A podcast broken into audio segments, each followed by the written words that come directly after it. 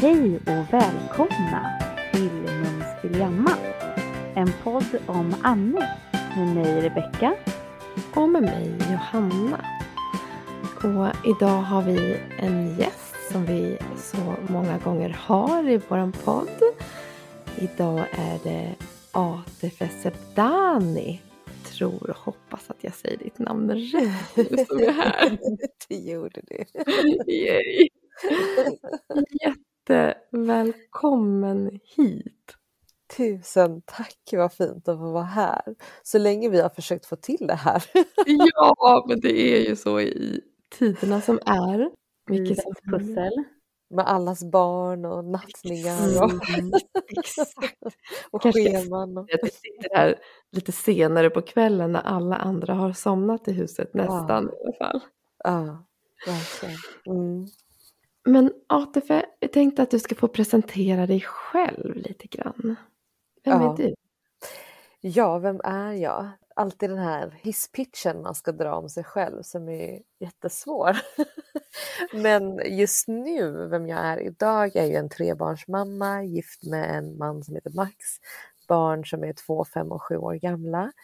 Eh, jag har nyss gett ut min debutbok eh, så kan liksom lägga till författare i epiteten vilket känns helt sjukt och häftigt och roligt. Dessförinnan har jag jobbat inom tech, så jag har en liten, liten paus där. Varit inom techbolag i ett decennium och sen så om man går ännu längre bak så kom jag till Sverige i, i det som nu för tiden kallas för ensamkommande flyktingbarn. Och jag var fem år gammal när jag och mina lillebröder lämnades på en perrong i Göteborg och växte upp i en fosterfamilj i Sverige. Och ja, var med om en del vedermödor så att säga, som i sin tur har påverkat en hel del min syn på saker och ting kring till exempel föräldraskap och amning. Mm. Och därav att vi är här, tänker jag. Mm. Mm. Jag tänker att det måste ha påverkat hela ditt liv, men inte minst liksom den här delen av ditt liv. Mm. Familjebildande delen. Mm. Mm. Precis. Har det alltid varit självklart för dig att du vill ha en egen familj? Alltså jag, så här, hela min uppväxt handlade om att få tillbaka en familj jag förlorade. Och det var ju för att det var det som var planen. Jag skulle hela tiden återförenas med min mamma var tanken. Och under tiden ha hand om mina lillebröder, det var vad jag hade lovat henne, vad hon hade fått mig att lova. Mm. mm. Eh, så jag blev ju väldigt tidigt också mamma till dem. Jag var fem år när jag blev mamma och sen kämpade för att ha en egen mamma. Och hon kom ju aldrig tillbaka och under tiden så hade jag en fostermamma som var allt annat än lämpad att kallas för mamma. Och som ett barn som är i en sån utsatt position i den typen av medberoende, den typen av sorg som jag var. Jag gick ju igenom en sorg av att förlorat min närmsta anhöriga utan att få lov att prata om det. Då Mm. gjorde jag ju allt, inklusive att mer eller mindre förinta mig själv för att få en mamma. Så drömmen om att sen få en familj, den fanns liksom inte för att jag såg inte hur jag skulle, att jag skulle bli ens vuxen. Mm. Jag gick igenom så mycket också övergrepp av olika slag. Och jag var uppväxt i en sekt där jag var också väldigt, väldigt hjärntvättad och så vidare och så vidare. Att jag bara försökte klara av den dagen, ta mig igenom den dagen och vänta på att mamma skulle komma nästa dag. Och det Mm. gick så långt att jag räknade ut hur gammal jag behövde bli innan jag kunde tacka för mig. Mm. Och det var att mina bröder skulle hinna bli vuxna. Eh, Och då kunde jag lämna liksom. Så att jag tänkte aldrig i termer om att jag själv skulle liksom skapa mig en familj. Det Mm. fanns inte som barn. Nej. Hade du någon kontakt med din mamma? Alltså min mamma blev ju soldat i en oppositionsgrupp eh, mot den iranska regimen. Och hon fick lov att ringa mig en gång per år. Och det fick liksom alla föräldrar där göra och då fick de fem minuter var och sen så var det de fem minuterna i vårat fall så råkade det vara så att hon hade tre barn och då fick Mm. hon liksom fördela de här fem minuterna på oss tre. Mm. Så det var den kontakten och ibland så kunde hon ringa också men jag visste liksom aldrig när och det skedde aldrig mer än en gång per år. Ja, det var Mm. den kontakten så det blev en väldigt försvinnande relation så småningom. Mm. förstår jag verkligen. Jag kan inte ens...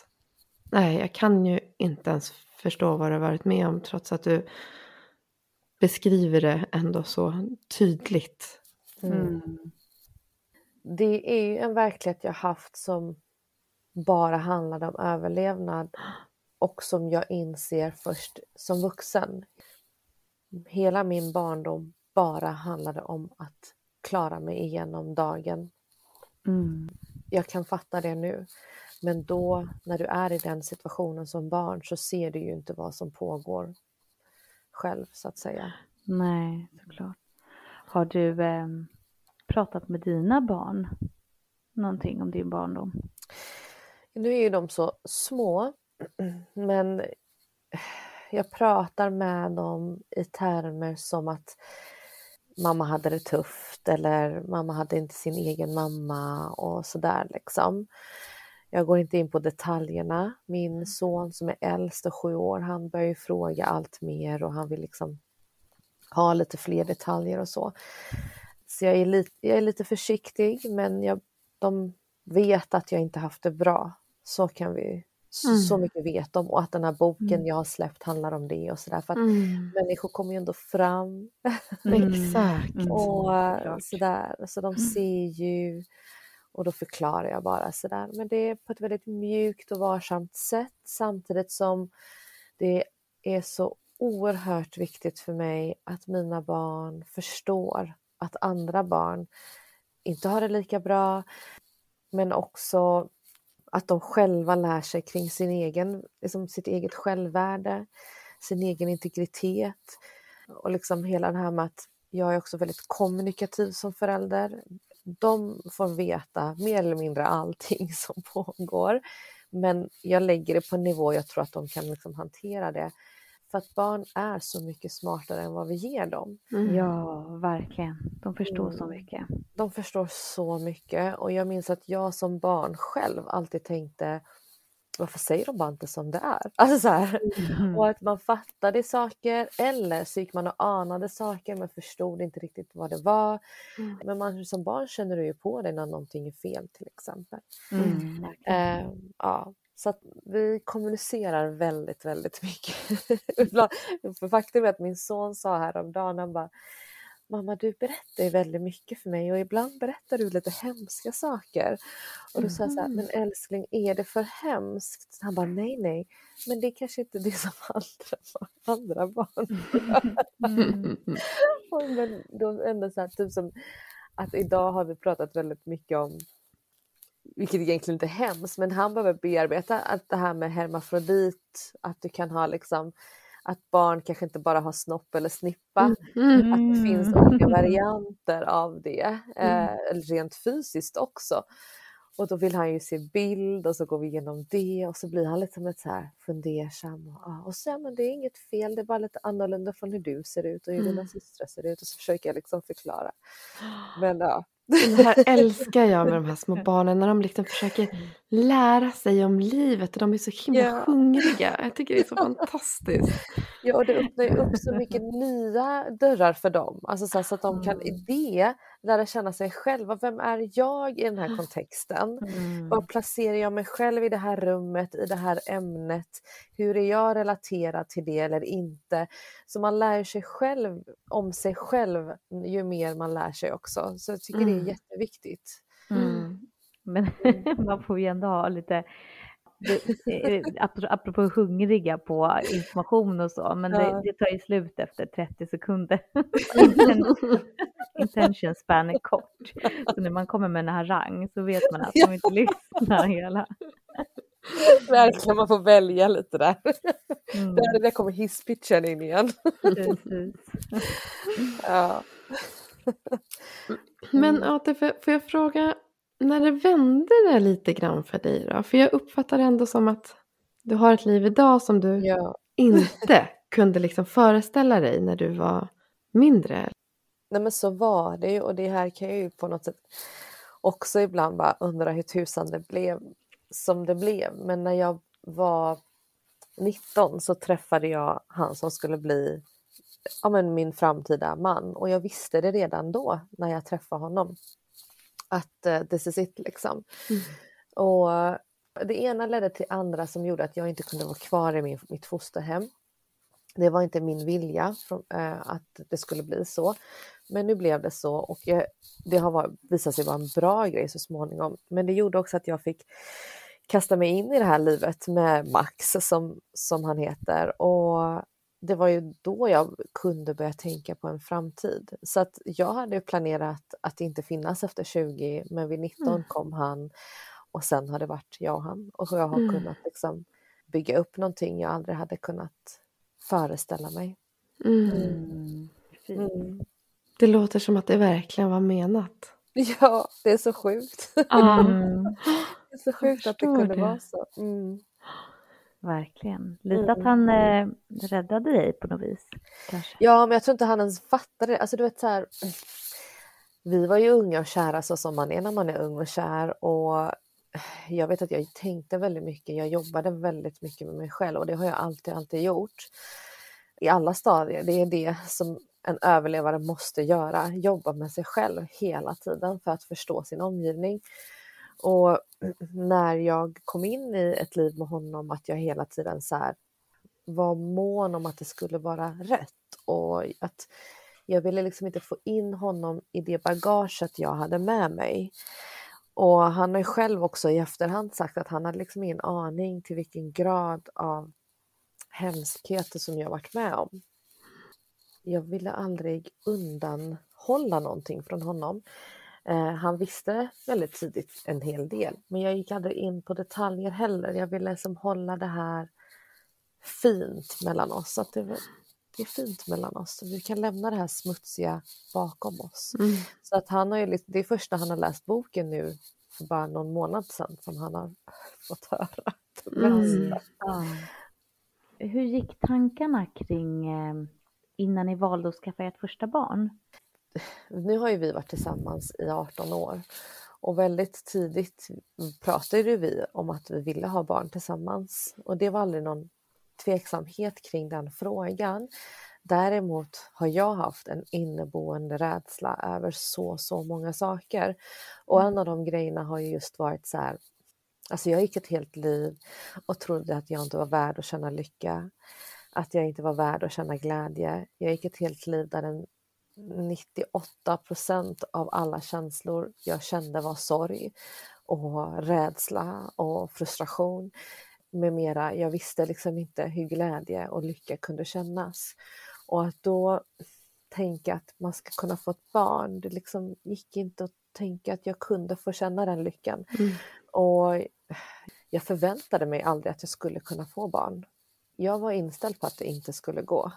Och sen valde vi att, eh, ja, vi var ju så unga så vi ville göra massa annat innan. Mm. Så det var ju först sju år sedan när vi tänkte att Nej, men nu är det nog dags. Då var jag väldigt så här till Max att jag bara, men bara så att du vet, jag kommer inte bli gravid. Bara, alltså, bara så att vi har den liksom gemensamma inställningen. Men var det, tror du, för att det kändes liksom så overkligt det livet allmänt? Att, Nej, bara för att jag tänkt att jag är en olycksfågel. Jag är Ah, inte menad mm. att må bra. Jag är inte menad att känna lycka. Och jag har fått det en gång i honom och nu har jag fått det. Alltså så här, det var Mm. min skärda del här i Mm. livet. Typ. Så det var mer så. jag Eh, förstår. Men sen som, det som var så himla sjukt var att trots alla de här förorden till graviditeten Mm. så blev jag ju gravid vid vårt första försök. Mm. Men ja, och det var ju bara så. Jag kunde liksom inte ens då ta in det utan då gick jag ju och väntade på att ah, men det kommer nog missfallet, det Mm. kommer missfallet. Ja. Alltså, så här. Inte att jag Ah, inte vad var tufft. bitter, ja, men jag var verkligen, det var liksom inte att, om jag ska vara ärlig, det var inte så tufft för det var, jag var så van att saker inte var bra. Så att Mm. det var mer status quo, att jag var så här, Ah. "Ah, ja men nu, nu väntar vi bara in missfallet. Typ så. Ah. Ja. Tragiskt när jag hör mig själv. Nej, men jag när det aldrig kom då? Vågade du någon gång, kan du minnas liksom första graviditeten att du någon gång sa, jo men det här kanske kommer faktiskt Ja, hända? men när, jag såg, när jag såg min son på ultraljudet första gången och att han var där, verklig, Mm. då kände jag helt plötsligt ett ansvar. Och då tänkte jag så här, nu är det mitt ansvar att tro på honom. Gud, nu Mm. kommer jag typ börja gråta när jag säger det. Men, nej, men nu är det mitt ansvar att tro på att det här kommer hända och att ehm, om jag går runt här em, liksom som hans hölje och misstror hans existens så betyder det att jag liksom går runt och är typ olycklig och så njuter jag inte av att han i alla fall har fått existera den här tiden. Mm. Eh, och då gick jag och bestämde mig liksom att nu ska, nu ska varje dag vara en lycklig dag för att jag har honom, vad som än nu händer. Mm.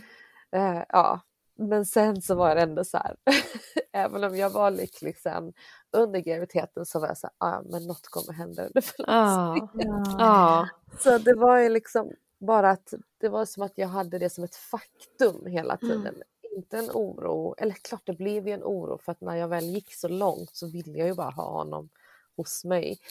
Men hela den här inställningen om att jag inte fick lov att- känna den här lyckan Mm. när han kommer. Så, att, och sen liksom, okej om han kommer då blir han sjuk. Alltså du vet, det var så Mm. mycket grejer. Mm. Men nej, här står jag nu med tre och Mm. är, ja, och vi mår bra. Vi mår Ah, bra. Mm. vad häftigt att vara på den Känner du- sidan. Ja. Mm, Kände du någonting nu här, nu hoppar vi jättelångt fram, men eftersom du ändå säger det, Ja. eh, apropå att du har tänkt hela tiden målat fan på väggen hela livet egentligen, eh, har det, har det vänt någonting nu efter, nu när du ändå står här med tre Mm. fina barn? Jag, tänk, jag jobbar ju oerhört mycket med att aldrig låta katastroftankarna komma fram. Ibland sipprar det igenom om min man typ inte svarar på ett tag när han har varit borta någonstans. Mm. nej, nu ligger han död. Typ. Mm. Men, men ehm, jag, vet du att jag har försökt ändra mitt mindset till att det är min tur nu. Mm. Det är min tur nu. Jag har gjort min beskärda del också under en period i mitt liv där jag absolut inte borde ha känt allt det här jag fick vara med om. Eh, så nu har jag gjort min sak och nu måste det bara gå bra. Liksom. Typ så. Mm. Nu är jag värd att vara lycklig och njuta av det här typ Mm. av livet och min Mm. familj. Mm. Mm. Och det är det ju verkligen. Och vad fint att du försöker Ja. tänka så. Det är ju helt, helt rätt.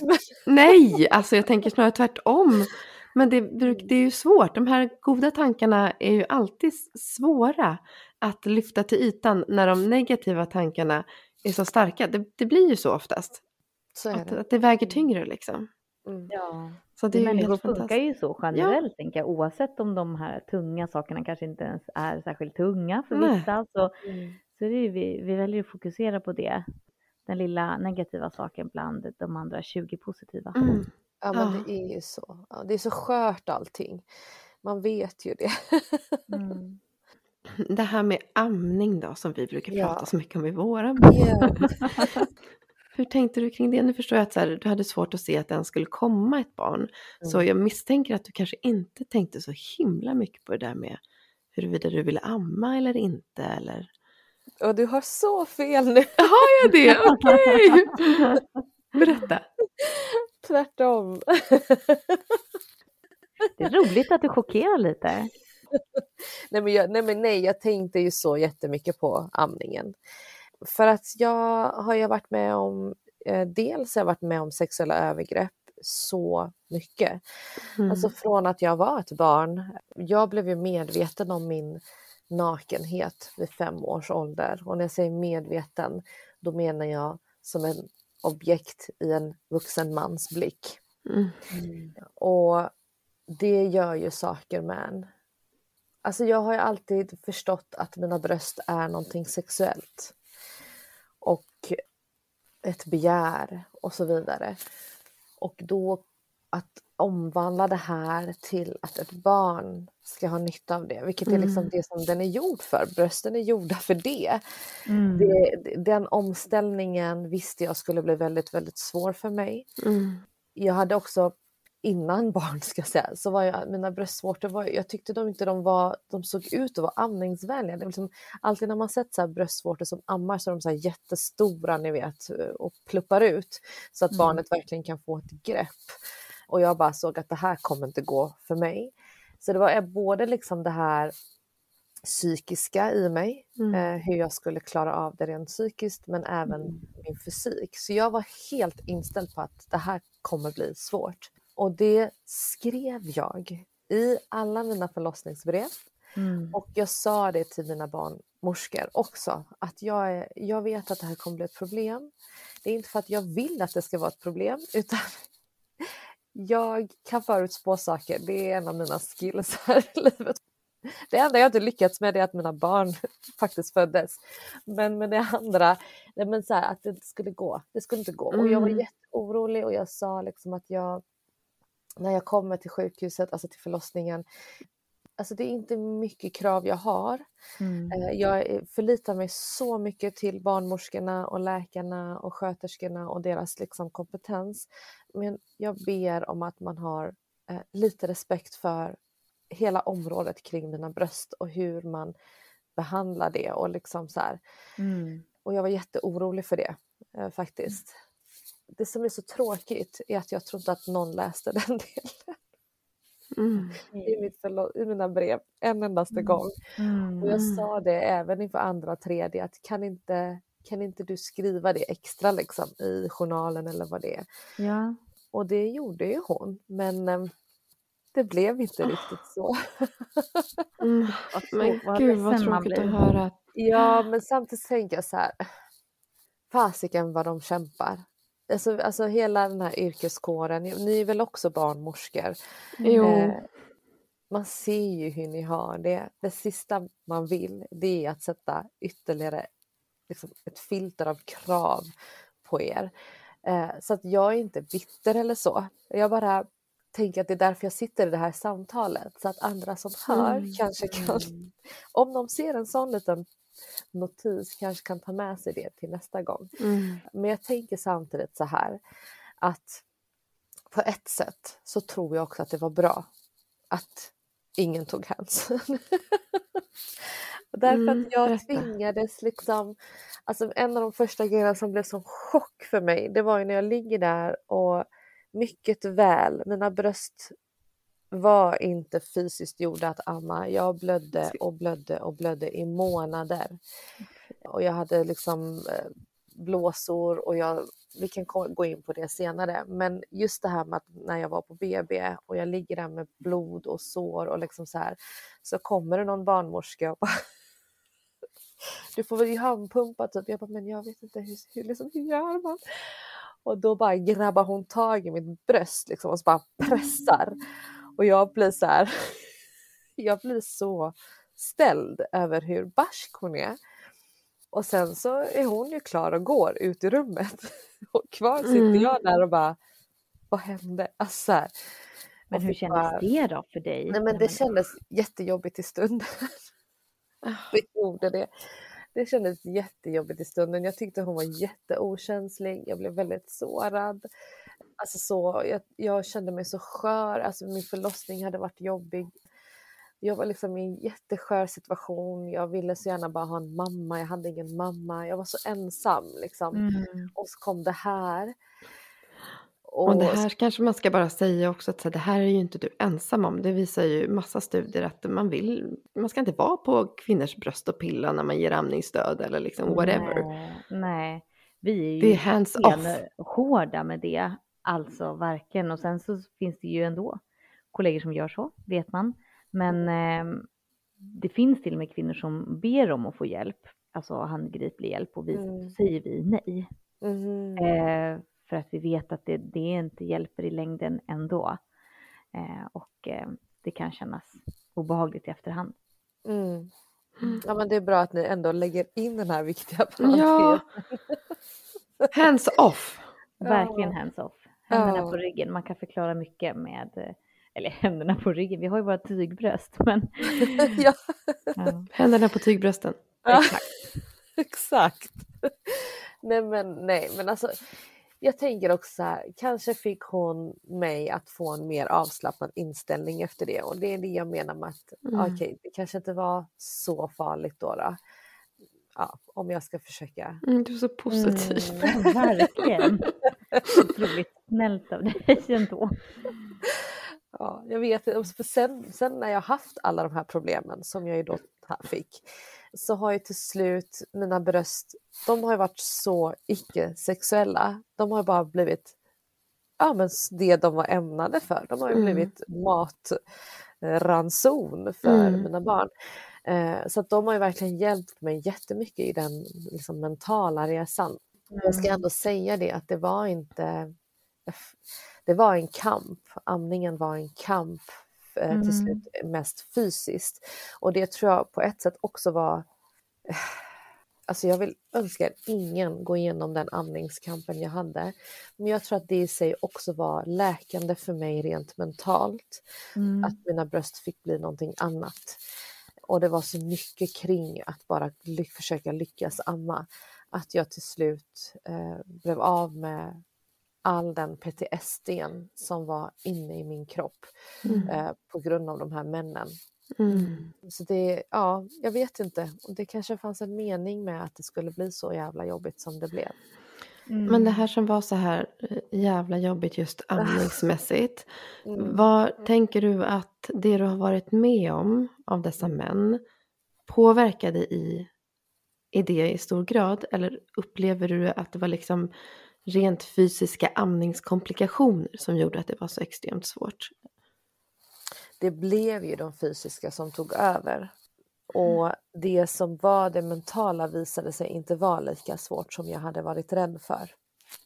Okej, så den Eh. rädslan kanske var större då? du? Ja, ja, det skulle jag vilja säga. Rädslan var större men sen när barnet, barnet kom så blev det så naturligt för mig. Däremot har jag varit väldigt restriktiv med vilka jag ammar inför. Ja absolut, jag är en sån som ammar på stan och jag har am- gått, gå ammat i sele och sjal och liksom gjort Mm. allt medan jag ammat. Mm. Eh, men jag skulle aldrig sitta och blotta mitt bröst. Mm. Och jag blir fortfarande triggad när jag ser andra göra det. Jag tycker det är jätte, jättejobbigt. Mm. Eh, När jag ser andra mammor sitta med blottade bröst. Men jag vet att det ligger hos mig. Jag vet att det är för Ah. att jag blir... Det, det första jag gör när jag ser en kvinna göra så, det är att leta efter förövare i rummet. Mm. Ah, okej. Jag, jag mår jätte, jättedåligt. Ah, Mm. du är liksom Ja. rädd för vad andra tänker om kvinnan? Ja, ja, ja. ja. Usch, Du blir kan- deras beskyddare liksom. Ja, och jag bara Mm. pratar om det får mig att må dåligt. Alltså Mm. mm. fysiskt illamående. För att jag bara så här, du måste skydda dig. Det kommer inte sitta en Ja, predator här liksom. Mm. Typ så blir jag. Mm. Men sen ska jag säga så här, det som var så synd var att jag hade så dålig, dålig koll på vad amning var. Mm. Alltså även om jag hade läst på jätte, jättemycket. Så här.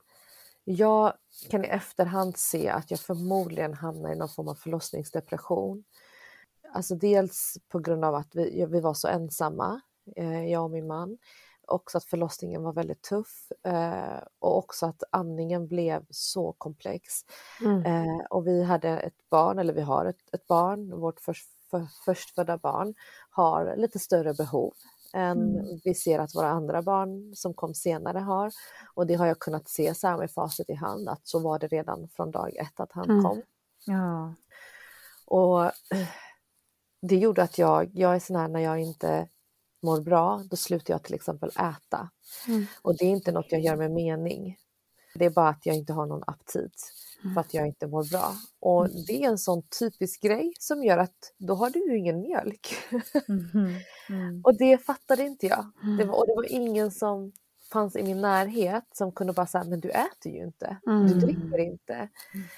Så det gjorde ju att han ville inte amma till slut och han rasade i vikt. Han gick från 3,5 till 1,8 och det är väldigt, väldigt lågt. Mm. Mm. Eh, han var liksom pinsmal Mm. till den grad att barnmorskan var så orolig att jag fick liksom börja ge flaska Mm. Eh, och han liksom gick snabbt upp igen och jag insåg ju vilket lidande han hade varit med om och därmed även jag. Mm. Eh, och sen vägrade han ju till slut ta bröstet och jag försökte ju pumpa och amma och pumpa och amma och till slut bara sinade det. Mm. Och efter två månader gav jag upp själva att försöka ge honom bröstet för att han Mm. skrek ju och där kände jag mig så hemskt för att det kändes som att jag våldförde mig på honom Mm. för att jag hela tiden ville trycka in det här bröstet i hans mun. Och han ville inte. Och eh, då la jag ner det och då tänkte jag att han kanske ville senare. Och så försökte jag pumpa i två månader och det bara liksom blev mindre och mindre och mindre. Mm. Och det var en sån sorg när jag bara efter fyra månader till slut bara, nu får jag ge upp det här. Jag Mm. förlorade den här kampen liksom. Mm. Och jag grät ju så mycket över det. Mm. Och då bestämde jag mig för att lära mig ännu mer om, om amning. Mm. Mm. Och så ställde jag frågan eh, till alla. Och det sjuka är att ingen så amningshjälper, ingenting sånt var det som hjälpte mig. Det var mina vänner. Om du som hade problem, vad gjorde du? Och vad gjorde du? Och så frågade jag alla. Och sen Bra. bara satte jag ihop hela den, alltså hela, alla svar jag fick till en egen manual. Mm. Och sen när jag fick eh, min, mitt andra barn bara, nu gör jag allt det här. Mm. Och, så, och en av de grejerna var till exempel ät och drick, ät och Mm. drick, ät och drick. Och jag var så Mm. här, jag sket i att jag skulle gå ner i vikt efter att jag hade fött barn och allt sånt där. Jag var så här, jag la på mig. Mm. jag var så här, nu Mm. äter jag och nu dricker jag. Mm. Och jag hade så här dadlar vid min säng på natten så att jag Mm. vaknade och amma då passade jag på att trycka in en dadel i munnen. Alltså så här. Mm. Och det gjorde att min mjölkproduktion bara forsade. Mm. Och liksom mina, alltså min dotter då som kom, hon var ju jättehullig och mullig och gullig. Alltså så här. och bara Mm. älskade att amma. Men problemet kvarstod ju med att mina bröst var inte gjorda för det här. så att jag hade ju sår i fem månader. Herregud. Ah. Och jag liksom satt och bet i kuddar i armen varenda jävla amning. Och den som har Mm. ammat vet hur ofta man ammar ett sånt litet barn. Ja. Och jag hade stresspåslag och ångestpåslag inför varenda amning. Alltså det var, jag mådde så dåligt. Jag hade gett mig fan på att jag skulle fixa det. Och fick liksom mentalt förbereda mig. Min man fick alltid så här, okej nu kommer hon, är du redo? Och jag fick liksom djupandas, gå in i meditativt tillstånd för att liksom klara av smärtorna. Och till saken hör att jag fick ytterligare en grej som jag inte hade någon aning om att det ens fanns. Nej men jag började ju känna, jag minns det så tydligt, jag satt vid tvn i vardagsrummet och jag ammar min lilla flicka vid bröstet, eller jag ska precis sätta henne vid bröstet och allt blir bara svart. Ja. Världen blir svart. Jag mår, jag blir så deprimerad och mår så Mm. dåligt och får Mm. sån ångest att jag liksom vet inte vad jag ska göra av mig själv. Mm. Och sen ganska kort därefter går det över och sen så fortsätter den här känslan. Mm. Och jag fattar först inte vad det är. Jag kopplar inte att det sker i samband med amningen. Utan det är bara att hela min värld är, blir svart flera gånger om dygnet. Mm. Och jag säger ingenting i vanlig ordning, så jag håller det inom mig. Och sen till slut bara säger jag det till min man. Jag bara, jag mår så dåligt, jag tror att det är amningen. Jag vet inte om jag håller på att bli helt psykstörd av de här smärtorna eller vad fan det är liksom. Mm. Och då börjar jag googla och då hittar jag att det finns något som heter DME. Mm. Och jag bara, in, Mm. inte det också. Alltså Men hur gammal var din Alltså- dotter då sa du? När du började hon känna var det? här? bara månader. Ah. Eh, Mm. Okej. Ja. Sen ska jag säga att det var en kort period. Det var några månader det var så, sen gick det över. Mm, Men jag var så här, det här ska inte heller få vinna över mig. Alltså så här, Mm. jag ska göra det här. Men såren, de läkte vid, alltså de ytliga såren läkte för fem månader. Men det var efter nio månader som jag sa till min man, jag har inte ont idag. Ah. Jag ammade. Och jag var så här, men gud det gör inte ont idag. Men jag blir helt fascinerad. Fem månader med liksom smärta. Jag hade aldrig, Nej, aldrig grejat det. Men var det den här Nej. moroten liksom för dig själv? Så här, jag, jag ska greja det här. Var det det som... Alltså så Som här, det var motiverade sån dig? sorg att jag inte fixade det med min son. Ah, och jag känner mig så jag känner mig som en sån dålig mamma. Och jag vet att inte, alltså varenda person som kommer berätta min historia till mig kommer jag bara lägg av. Mm. lägg av. Du är inte en dålig mamma, du behöver inte ah. amma, det finns andra liksom, sätt att göra det på, bla bla bla. bla. Jag vet precis vilka råd jag hade gett mig själv. Men i det läget så var det bara för mig också så här, ni vet, när jag fått chansen att faktiskt bli en mamma, när jag fått chansen att faktiskt skapa mig en familj och jag är så mån om att det ska bli bra, då vill inte jag att starten ska bero på att jag gav upp. Så att, och jag hade ingen att förlita mig på. Alltså så. Och sen försökte jag tänka hur alla andra mammor gjort genom alla jävla åren. Du vet, och jag tänkte på alla mammor i krig och alla mammor mm. utan liksom, mat. Och mm. du vet, hur gör alla andra? Jag har allt jag kan få och då klarar jag det här. För det, jag ser på mitt barn att det här är det hon vill ha. Så jag vet inte, det var massa faktorer som bara, jag tänker inte ge upp på det här. Det var någon form av också kanske revanschsug. Någon gång måste det bli, mina bröst måste bara fatta det här. Typ. Mm. Uh, ja, och det gjorde du, det. Ja, sökte du hjälp någonting då? Jag Nej, jag gjorde inte det. Jag, jag, jag är ledsen att säga att jag hade inte särskilt tilltro till hjälp. Också så här när jag hade det som värst med min son. Jag hade behövt att någon kom till mig och inte att jag mm. behövde ta mig till någon annan. Och jag visste inte hur jag skulle ens, var jag skulle vända mig för att få den hjälpen. Mm. Och sen är jag också van att klara allt på egen hand. Mm. Precis allt. Mm. Eh, så det har aldrig kommit för mig heller att, att ta hjälp. Så det är inte ett bra råd. Nej. Ni som men, lyssnar, men... gör inte så här. Nej precis, men jag förstår nog ändå vad du säger. Att du har inte levt så. Du har klarat allt själv som du säger. Ja. Mm. Och varför skulle du inte klara det här själv? Och med, med facit i hand kan man ju på ett sätt säga att du klarade det ju helt galant alldeles själv. Mm. Men jag tycker jag det var fint som du berättade att du tog väldigt mycket hjälp av dina vänner efter första ja. gången. Mm. Ja. ja. Det är ju lite våran framtidsvision, min och Rebecka, så att vi, ska, att vi ska leva i ett sånt samhälle där vi faktiskt gör det. Alltså att där vi, vi stöttar varandra i amning och mycket, mycket, mycket mera. Mm. Man inte, inte där vi vågar prata mer, där vi vågar prata mer, berätta och be om hjälp. Mm. och det är därför er podd är så viktig.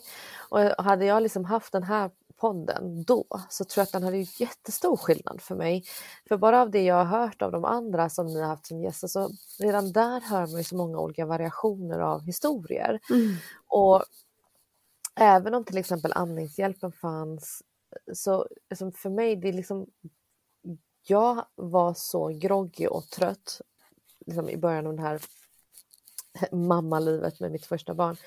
Det liksom fanns inte för mig att sitta där och scrolla och hitta den hjälpen. Hade jag haft någonting i lurarna och bara lyssnat på det här sättet så hade det gjort mm. jätte, jättestor skillnad att höra alla de här tipsen och skillnaderna och att liksom, det är inte är fel på mig eller det är mm. okej okay att sluta, det finns mm. alternativ. Mm. Eller gör så här, testa den här mm. vägen. Alltså, det är jätte, jätteviktigt för man är så skör och man är så ensam i den situationen. Mm. Även om man har en mamma bredvid sig kan man känna sig ensam i en sån situation. Verkligen. Precis det du säger är viktigt att trycka på, det här med att man är så skör. Oavsett vad man har varit med om och för dig särskilt som har Mm. Mycket, mycket, mycket i ryggsäcken. Mm. Men så här fem år senare med, din, med ditt andra barn, tänker du att, att det känns rätt som du gjorde? Att du ammade på den där smärtan och att den, den försvann ju faktiskt sen. Liksom. Känns, känns det som att det var rätt sätt för er, för dig? Ja, det var det. Mm. Eh, också så här, även när vi fick vårt andra barn så kände vi att det saknades någon och vi vill gärna ha ett tredje. Även om vi inte tog det för givet förstås igen. Eh, men då bestämde jag mig för att jag ska amma Rymi som hon heter, vårt andra barn. Jag ska amma henne hela vägen så länge det bara går tills det tredje barnet kommer. Mm. Så att jag slipper gå jag, jag, jag, jag, kan inte gå igenom det här en gång till. Jag kan inte gå igenom mm. så lång tid av smärta igen. Mm. Så hon lyckligtvis ville fortsätta amma Mm. och det gjorde att jag tandemammade sen när jag fick vårt tredje Mm. barn. Ah, Och- kul. Ja, Eller kul, det kanske inte Det, var. är, det var det, det var kul och det är verkligen bland det finaste jag varit med om. Och då kunde jag ligga med dem på varsin sida och de mös och de pillade på varandra. Du vet, Ah. när hon, Mm. liksom, Saba kom, hon var så pytte, pytteliten liksom. Och, till en början är de ju bara små collie men sen när hon liksom Mm. sakta börjar röra fingrarna och bara klappa sin syster i Mm. ansiktet sådär, ni vet lite ryckigt som de gör. Och, och Rumi i sin tur sitter och liksom smeker henne. Alltså det är liksom det är bland mina lyckligaste stunder att ligga med de här två tjejerna Mm. och bara kunna ge dem det här fina, trygga, Mm. alltså allt jag själv hade önskat ha till exempel. Det som min lillebror inte fick, han ryckte sig ifrån sin amning med vår Mm. mamma. Liksom. Mm. Och jag bara tänkte att det här ska inte, jag ska bara ligga här och de ska bara få må bra i det här. Och de har ju älskat det. De har ju älskat att sitta där tillsammans och amma. Mm. Eh, och sen ammade ju Rumi fram till hon var ja, men, över fyra år.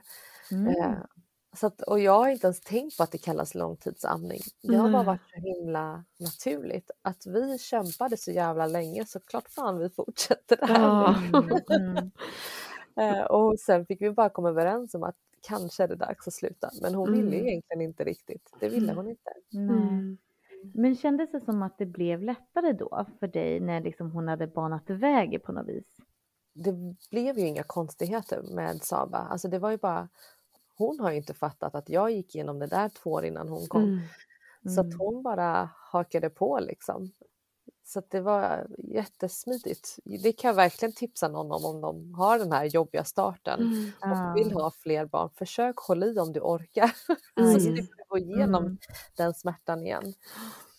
Precis. Får vi ta med oss till våra gamla gäster, Johanna? Ja, precis. Jag sitter och tänker på en av våra gäster Mm, som, med. som vi hade. Som hade Vadå? också så här, nej men vi hade, det var Cornelia heter avsnittet, Ja. eller hon heter Cornelia, också sådär extrem smärtsam amning, så som Mm. du beskriver. Jag tror dock inte att hon hade direkt sår. Hon hade men, inte sår. Jag tror att det var mest eh, liksom utdrivningen och eh, Mm. Uff. precis efter där som gjorde så himla ont. mm, Också länge, flera Mm. månader. Mm. Mm, Gud, jag lider med henne. Mm. Åh, gud vad jobbigt. Mm. Men vad, mig veterligen så ammar hon fortfarande sitt barn som är, ja, inte ett och ett halvt riktigt än, men nästan tror jag. mm. Mm. Men det där är ju rätt intressant. Jag tänker att alla är ju olika i vad man vill, vad man önskar och vad man tycker att det är värt eller inte, eller vad man ska säga. Jag tänker, som du beskriver att den här smärtan som du var med om under den här amningsperioden var ändå inte uppfattade som så pass jobbig att du inte ville fortsätta. Att det, liksom, att det var värt det ändå. Och så kan ju livet vara många gånger. Att, att det är tufft på många olika sätt.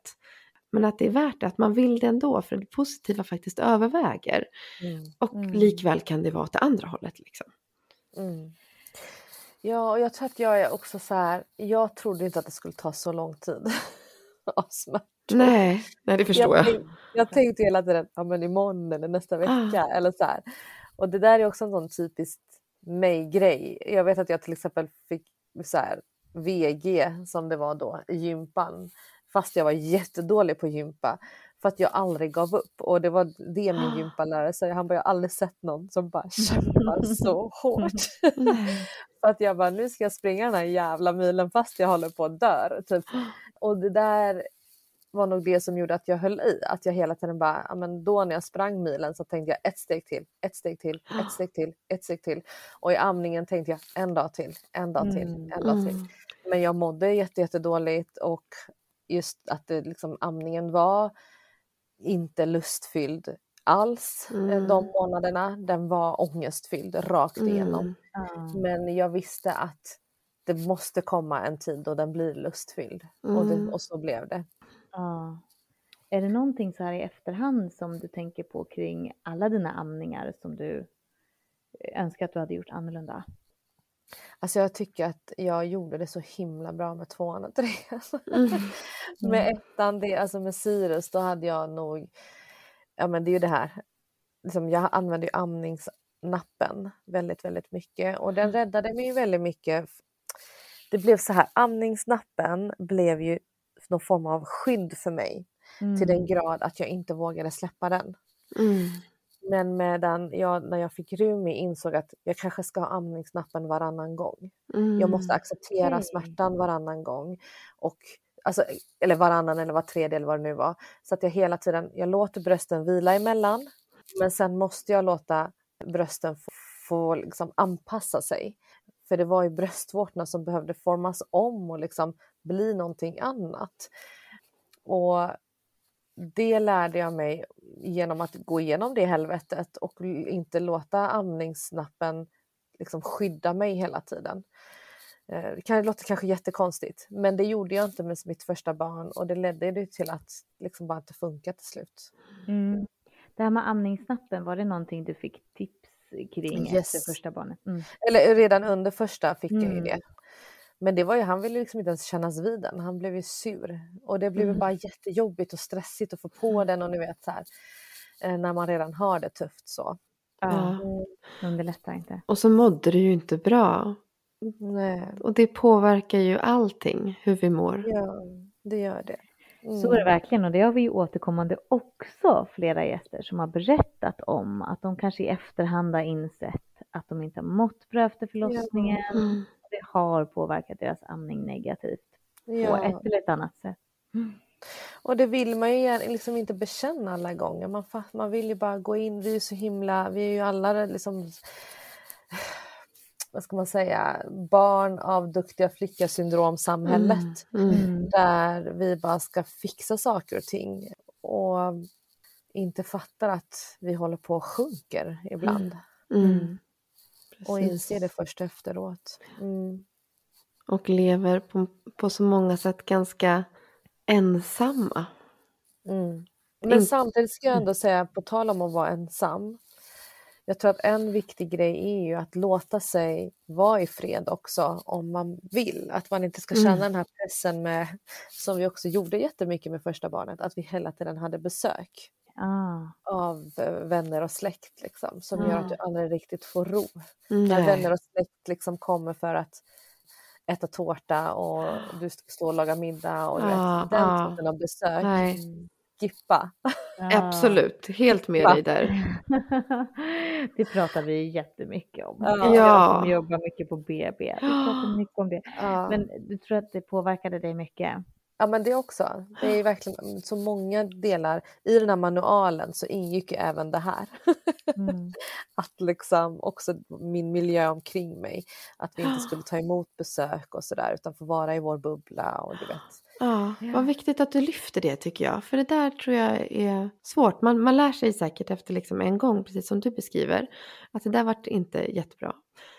Och det det- behöver folk få höra också. För jag Mm. tror, och andra behöver höra det framförallt de som är närstående till folk som skaffar barn. Mm. För jag upplever att det, det är många nyblivna föräldrar som inte kanske vill träffa massa människor men de inte kan säga nej. Mm. De eh, har svårt för att göra det för att det liksom ligger mycket i, i kanske kulturer och så ska det vara, man ska vara många och det ska vara det är ju, tanken är ju fin liksom. Det är väldigt välmenat men, Mm. men det funkar inte för alla. Mm.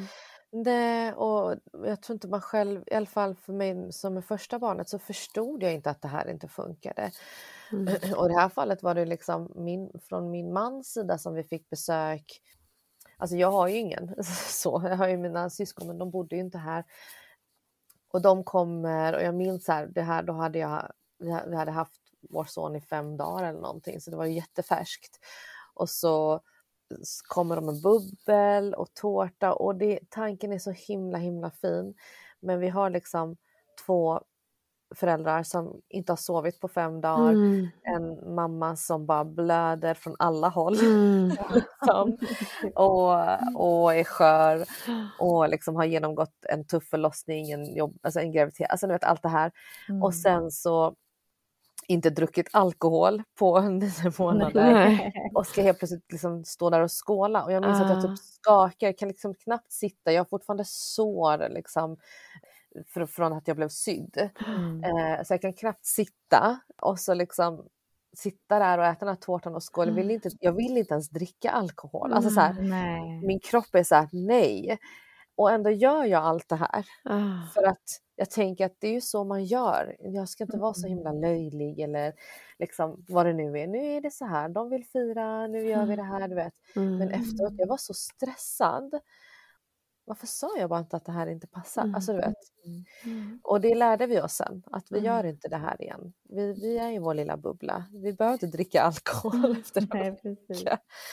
Mm. Det är lite som du brukar säga Johanna, det här med att känslan av att behöva skaffa fler barn för att göra rätt. ja. Alltså, Ja, Alltså, det är den göra rätt och rätt, men, Ja. ja, men det låter ju så hemskt att säga, men att det ska behöva vara så, eller göra rätt, eller göra, göra det man vill, Ja. eller hur man nu ska uttrycka sig. Det, det är lite så faktiskt. Ja, Men jag har, har ju haft så jätte, jättestarkt. Att säga, jag, jag måste göra det igen så jag får göra det på det sättet som jag faktiskt vill. Som jag inte hade förstått att jag ville men som jag nu vet så starkt att jag vill. Mm. Ja.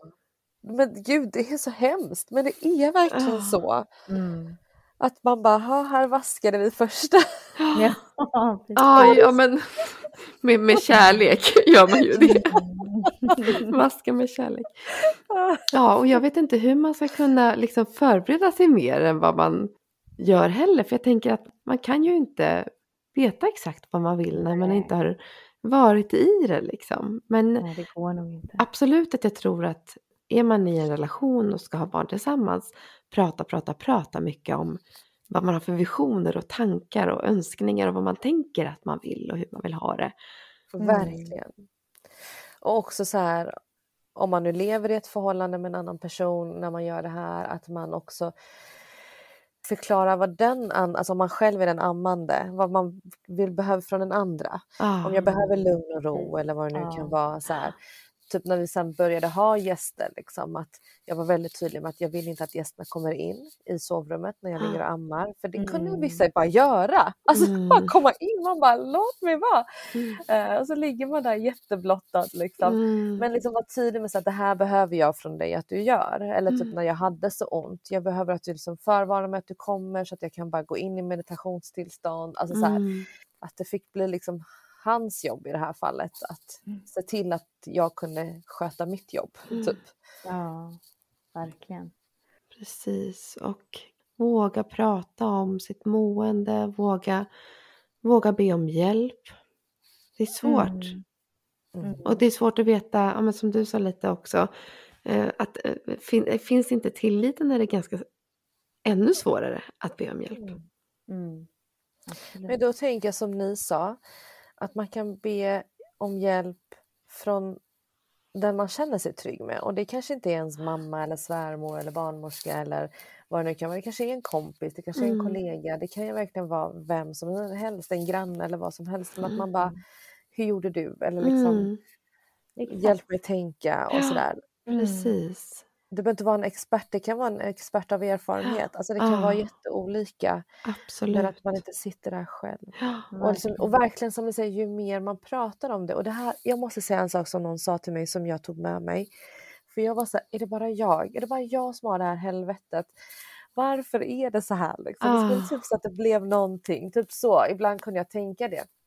Och då så sa faktiskt, jag vill säga att jag hade en fantastisk barnmorska under mina två eh, andra graviditeter, alltså under MVC-tiden. Vi har fortfarande kontakt idag. Mm. Eh, och hon sa så här till mig, men Atefe, eh, för jag var så här, jag, jag ser alla de här mammorna på kaféer och de går runt och de bara ammar överallt. Och så här, jag kommer aldrig, jag kan inte det, jag måste ligga hemma och bara gråter och har ont. Och du vet, så här. Hon bara, men du vet ju inte om den där mamman på kaféet har gått igenom det du har gjort några månader Mm. innan. Mm. Och det bara slog mig, nej det vet jag inte. Nej. Bara för att hon ser lycklig ut där på kaféet och ammar jättelättsamt så betyder det inte att det har varit så för henne hela tiden. Och det, det vi gjorde väldigt stor skillnad för mig, att det du ser är inte alltid verkligheten. Det är Mm.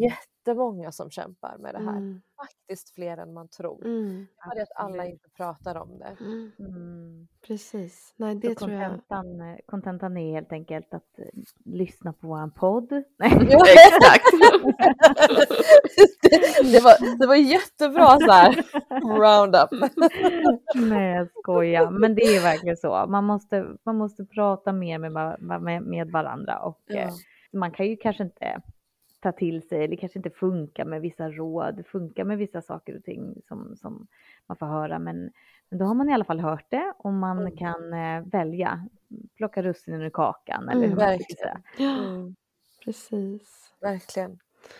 Nej, men vi hör ju att du har, du har haft en ganska tuff amningsresa. Ja. Men som Mm. ändå låter som att den slutade i någonting gott. Någonting som läkte någonting. Exakt. Med sista barnet, skulle du säga att du har en bra amningsupplevelse helt och hållet 100 därifrån? Ja, Mm. 100 procent bra. att du fick uppleva det. sätt. Allt blev blev så. rätt till slut. Ja, det behövdes ett tredje barn. Exakt! Mm. Tre, treor kan vi ju säga att vi tycker är bra. det bästa jag gjort var ju att fortsätta den amningen eh, över till Netta. Liksom. Sen har jag ju slutat amma henne nu och hon han amma i, i två år och några månader och jag ville inte sluta. Eh, jag behövde börja gå på en medicin Mm. och då fick jag inte amma henne mer. Mm. Och det var jätte, jättesorgligt. Men jag hade ammat också samtidigt i fem år, Mm. eller egentligen sju år om man nu ska tänka på de där första månaderna. Mm. Mm. Men eh, det jag vill säga är att när jag var klar, hur sorgligt det än var, jag tycker fortfarande det är jättesorgligt för amningen är verkligen det finaste jag har gjort. Så är jag så glad att ha min kropp tillbaka på andra premisser. Mm. Alltså ni vet ju, ni har ju också ammat, man ser ju inte likadan ut. Nej. Nej. Och, Mm. jag tycker att det är en annan resa nu med mina Ja. bröst. Där jag håller på liksom se dem för någonting annat. Jag vill så gärna att de ska få vara naturliga. Eh, lär känna dem på nytt på ett annat sätt. Där de inte får vara lika sexualiserade. Men också kunna acceptera att okej, de kanske inte alls kommer vara det längre. Alltså så här, hur känns det? Hur, hur vill jag leva med den saken? Och sen fortsättningsvis är ju mina bröst fortfarande en trygg punkt för mina barn. Mm. Och de kommer där och klappar och gosar och vill titta och känna och klämma och rätt så här. Och de får liksom göra det. Och så Mm. jag har liksom en helt, helt annan syn på min kropp och går igenom en helt annan resa nu som en ny resa, en på, ny påbörjad resa. Och det vill jag också säga att det finns något fint i det. Att det Mm. finns också någonting efter amningen som är någonting Mm. nytt och bra. Mm. Det var Mm. fint sagt. Verkligen fint. Att det låter lite som att det på något sätt varit läkande för dig Ja. och, och skaffa barn och, och på ett eller ett annat sätt amma dem ändå. Det har det. Det har det verkligen. Det trodde jag aldrig, men det har det. Ah. Mm. Mm. Och jag tänker till någon som har varit med om liknande som du har varit med om, växt upp liknande som du har, som står och väntar sitt första barn, kanske andra. Är det någonting speciellt som du känner att det här vill jag skicka med till dig? Det här vill jag skicka med till dig och det är att du är inte ensam med dina rädslor. När jag pratar om de här sakerna i mina sociala medier så får jag väldigt mycket DM från kvinnor som lever med den här skammen som det ju är att ha varit med om de här sexuella övergreppen och då känna sig otillräcklig för ett framtida barn i egenskap av en ammande förälder. Och det är du inte ensam om att känna och det finns inget skamligt i det. Och fixar du det så gör du det. Fixar du det inte så gör du inte det och det är också helt okej. Men jag vill säga att det kan vara värt det för att jag vet av egen erfarenhet att det blir bättre sen om man vill och orkar ta sig igenom det. Mm. Mm. Tack. Jättefint. Mm. jag vill bara säga verkligen det, att det är så många som har den här rädslan. Mm. Och, jag, och det är lite därför också jag är så glad att få vara, vara med i er podd. Att jag vill att även inom yrkeskåren att man förstår att det här finns. Mm. Och det är vanligare än man tror. Mm. Tyvärr. Mm. Det ska vi verkligen, verkligen ta med oss. Och det var ju en stor anledning att vi ville att du skulle vara med här också och berätta din berättelse. Ja. Mm.